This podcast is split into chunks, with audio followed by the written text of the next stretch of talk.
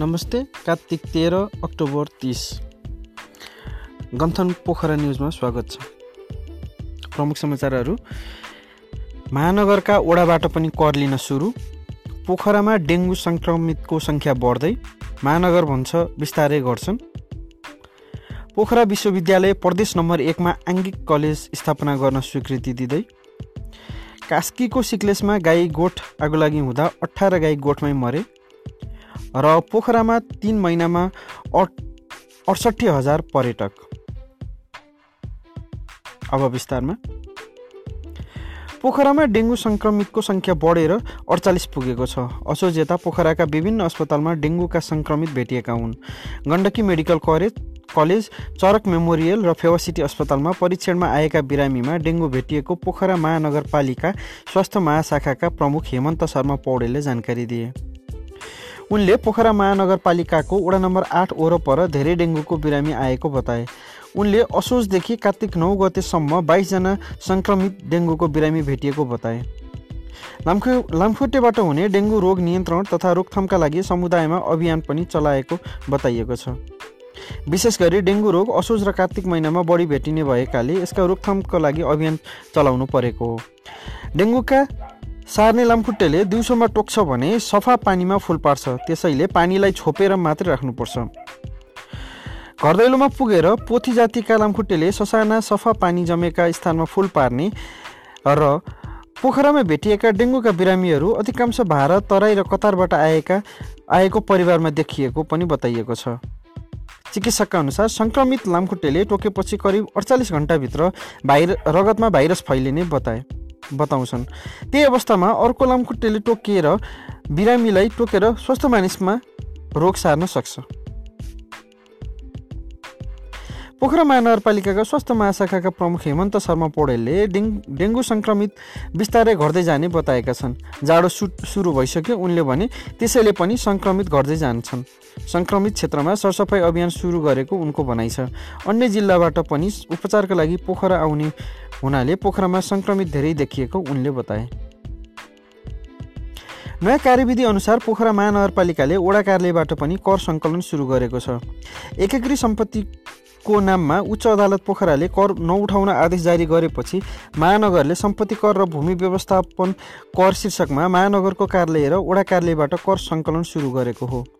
पोखरा महानगरपालिकाका राजस्व शाखा प्रमुख छवि शर्माका अनुसार साविक लेखनाथमा पर्ने वडा नम्बर सत्ताइस उन्तिस तिस एकतिसबाट कर सङ्कलन सुरु भएको छ। त्यस्तै वडा नम्बर पाँच छ सात आठ दस तेह्र पन्ध्र सत्रमा पनि सम्पत्ति कर तथा भूमि व्यवस्थापन कर घर नक्साको राजस्व लगायत सबै कर तिर्न सकिने शर्माले बताए।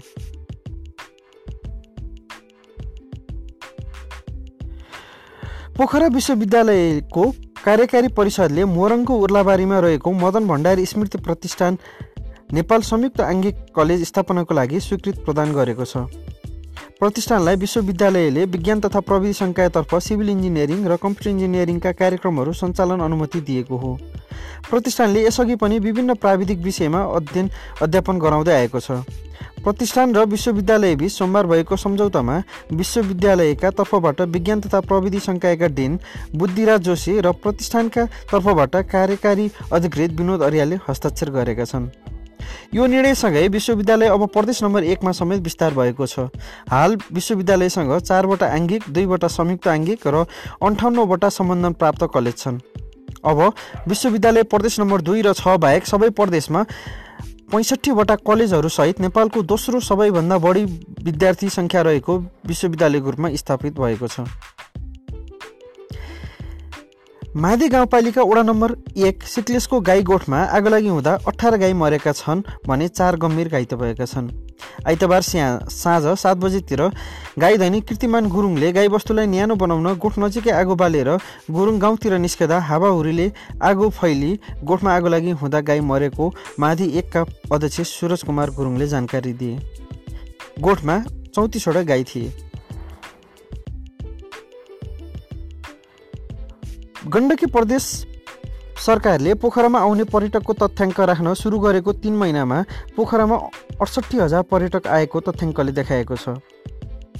गण्डकी प्रदेश सरकारको उद्योग पर्यटन तत् वन तथा वातावरण मन्त्रालयले साउन एक गतेदेखि प्रहरीको तत् सहयोगमा तथ्याङ्क सङ्कलन सुरु गरेको हो। गण्ड पोखरा र गण्डकी प्रदेशमा साउन भदौ र असोज महिनामा पोखरामा अन्ठाउन्न सरी अडसट्ठी हजार पाँच सय दुईजना पर्यटक विभिन्न मार्ग हुँदै पोखरा प्रवेश गरेका छन्।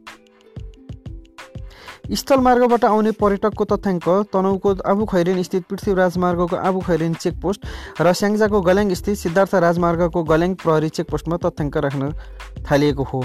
हवाई मार्गबाट पोखरा आउने पर्यटकको तथ्याङ्क पोखरा विमानस्थलले राखेर प्रदेश सरकारले उपलब्ध गराउने गरेको छ। यसअघि पोखरा आउने पर्यटकको अभिलेख हवाई मार्गबाट आउने पोखरा विमानस्थलले र पद यात्रामा जाने पर्यटकको तथ्याङ्क अन्नपूर्ण संरक्षण क्षेत्र आयोजनाले राख्ने बाहेक अन्य तथ्याङ्क थिएन। साउनमा पोखरामा हवाई मार्ग र स्थल मार्गबाट गरी कुल बिस हजार आठ सय बाह्र पर्यटक आएको प्रदेश सरकारको तथ्याङ्क छ। साउनमा सबैभन्दा धेरै भारतीय पर्यटक भित्रिएका थिए। हामीलाई हाम्रो Twitter page Twitter profile Twitter dot com slash my गन्थनमा पनि फलो गर्न सक्नुहुनेछ। धन्यवाद।